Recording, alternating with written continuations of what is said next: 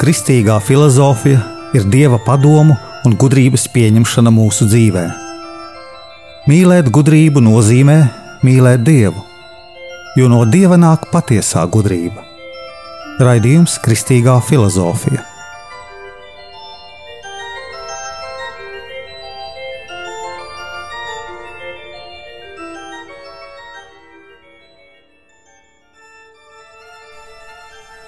Es esmu Jānis Valtra Vitsenheims, un ar jums ir Kristīgās filozofijas 37.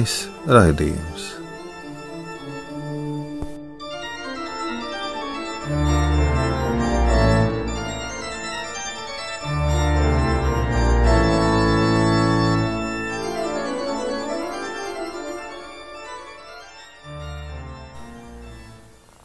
Kristus lēni un nemanāmi dzimst cilvēka sirdī. Tāpat kā nemanāmi pasaulē viņš piedzima Bēltlemē. Kristus atnāca, lai noņemtu šķērsli starp dievu un cilvēku, kas radās grēka dēļ. Dievs kļuva par cilvēku, lai cilvēks kļūtu kā dievs viņa svētumā. Cilvēkam tiek dots spēks no dieva, lai tas tālāk spētu iet šo ceļu un pārvarēt grūtības un augtu savā svētumā. Jo varētu salīdzināt, kā pasaule tiek apgaismota ar sauli, tā cilvēks tiek apgaismots ar zināšanām par Dievu. Ne jau valsts stingrākie likumi padara valsti stipru. To stipru padara cilvēka sirdī ierakstītie likumi no dieva. Tie padara cilvēku stipru un reizē arī valsti, kurā viņš dzīvo. Mēs sastāvam savā valstī no liela daudzuma stipru cilvēku un mūsu valsts ar saviem likumiem ir stipra tajos likumos, kuros mēs tuvojamies dieva likumiem. Jo tuvāk mēs esam pie dieva mīlestības, jo mazāk pasaulīgās mīlestības redzam. Mūs ļoti stipri apžilbina dieva mīlestības gaisma, dieva mīlestības spēks. Varētu sacīt, ka galvenais dzīvē - nepazaudēt dievu caur ikdienas rūpēm, raizēm un materiālās pasaules lietu spēku.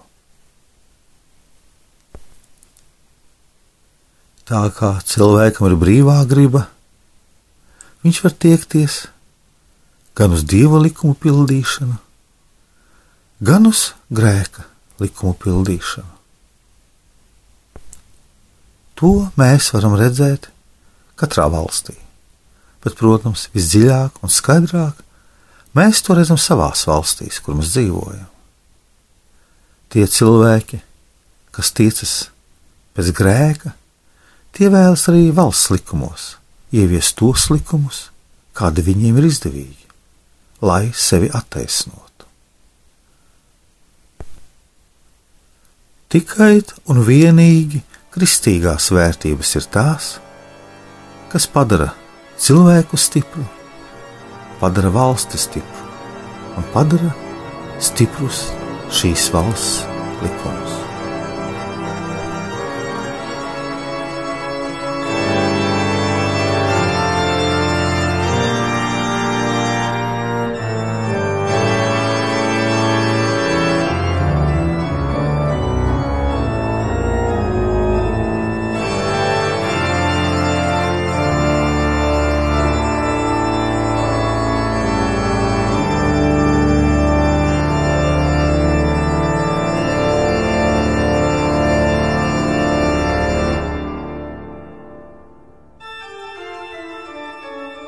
Mēs visi dzīvē domājam, prātojam un mēģinam atrast risinājumus. Šie risinājumi ir mūsu ceļš. mūsu ceļš pie patiesības. Bet cilvēki, kuri neatzīst dieva likumus, mums bieži vien piedāvā pilnīgi savādāku ceļu. Un tādēļ mūsu domāšanai ir ļoti svarīgs šis jautājums, vai mēs virzāmies pareizi. Cilvēks pēc savas dabas ir apdāvināts ar prātu. Viņš ir kritisks, un viņš nav naivs. Nav tāds kā dzīvnieks. Cilvēks ir apdāvināts ar prātu, un tas prāts, dabiskais prāts, ir dabiski kritisks. Un tāpēc viņš pazīst patiesību dabiski un pazīst to arī kritiski. Bet, ja viņš to pazīst, patiesību arī kritiski, tā tad viņš pazīst, ka pazīst. Bet cilvēks nepazīst to filozofisko veidu, kā patiesības pazīšanu izteikt zinātniskā formulējumā. To viņš meklē, jo nepazīst. Un tāpēc šis jautājums, kritiskās pazīšanas jautājums, ir autentisks jautājums filozofijā. Jo to uzstādot, filozofs, vai varētu teikt, kas sāk iet sava ceļa sākumu, kas ir ceļojuma sākumā, iziet no punkta. Viņam vēl nav gnozioloģijas. Viņš netiešā, iesaistītā veidā, latīniski kā sakot, implicite, implicite catio, iesaistīt, pazīt, ka pazīst, viņš nav pie izskaidrošanas nav izskaidrojis, kāpēc viņš pazīst. Gnozioloģiskā gudrība ir atrast mācību, kas apstiprina, izteic un apgalvo, ka cilvēks pazīst patiesību. Pazīt, tas ir mūsu ceļš, tas ir mūsu virzība, gājiens no iepazīšanas uz pazīšanu no formulētā uz nenoformulēto, lai to noformulētu.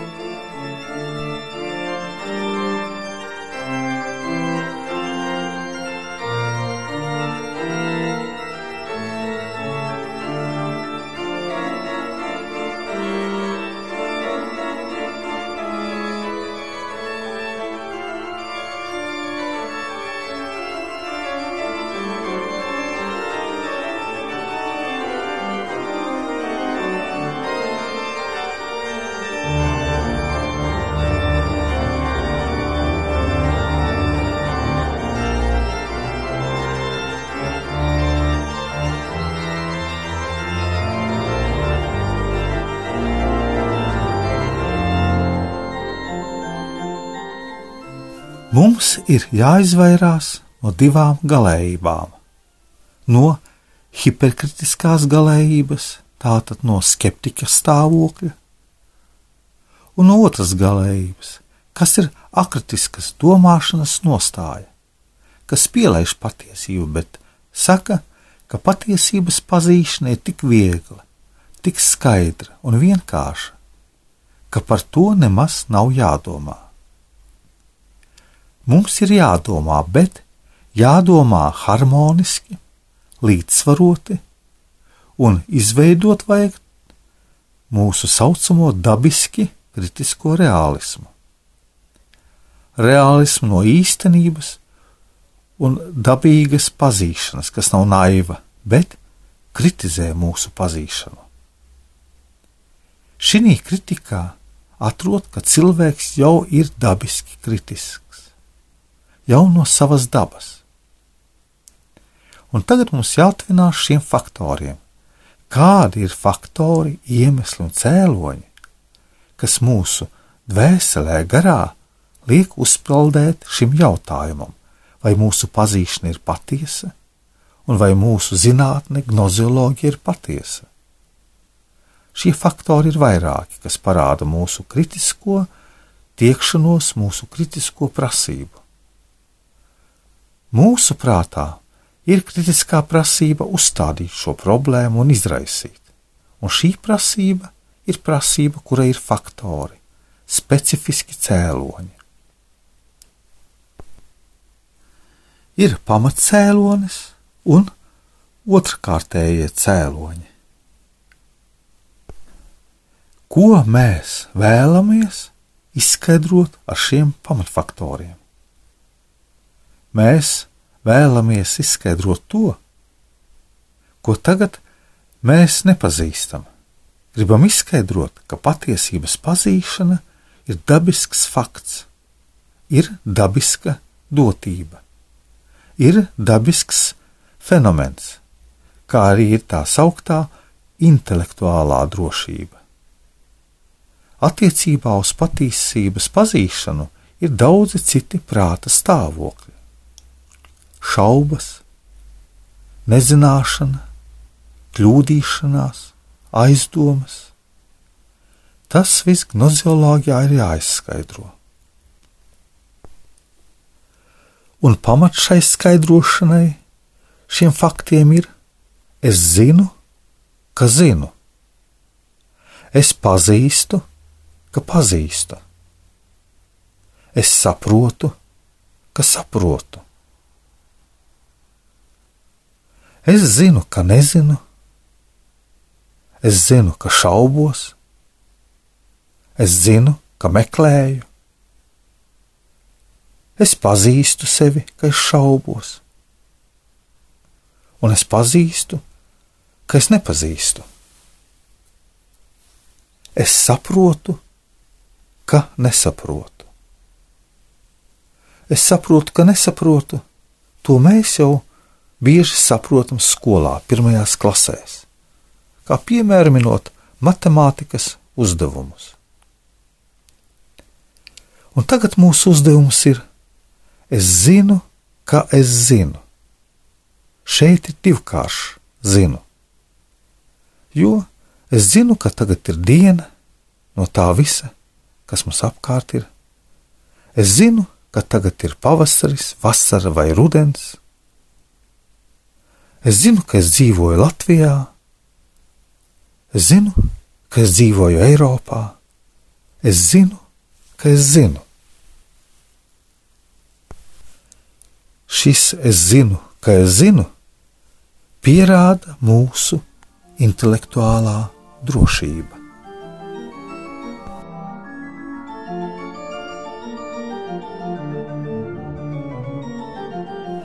Es esmu Jānis Valtra Vitsenheims, un ar jums ir Kristīgās filozofijas 37. raidījums.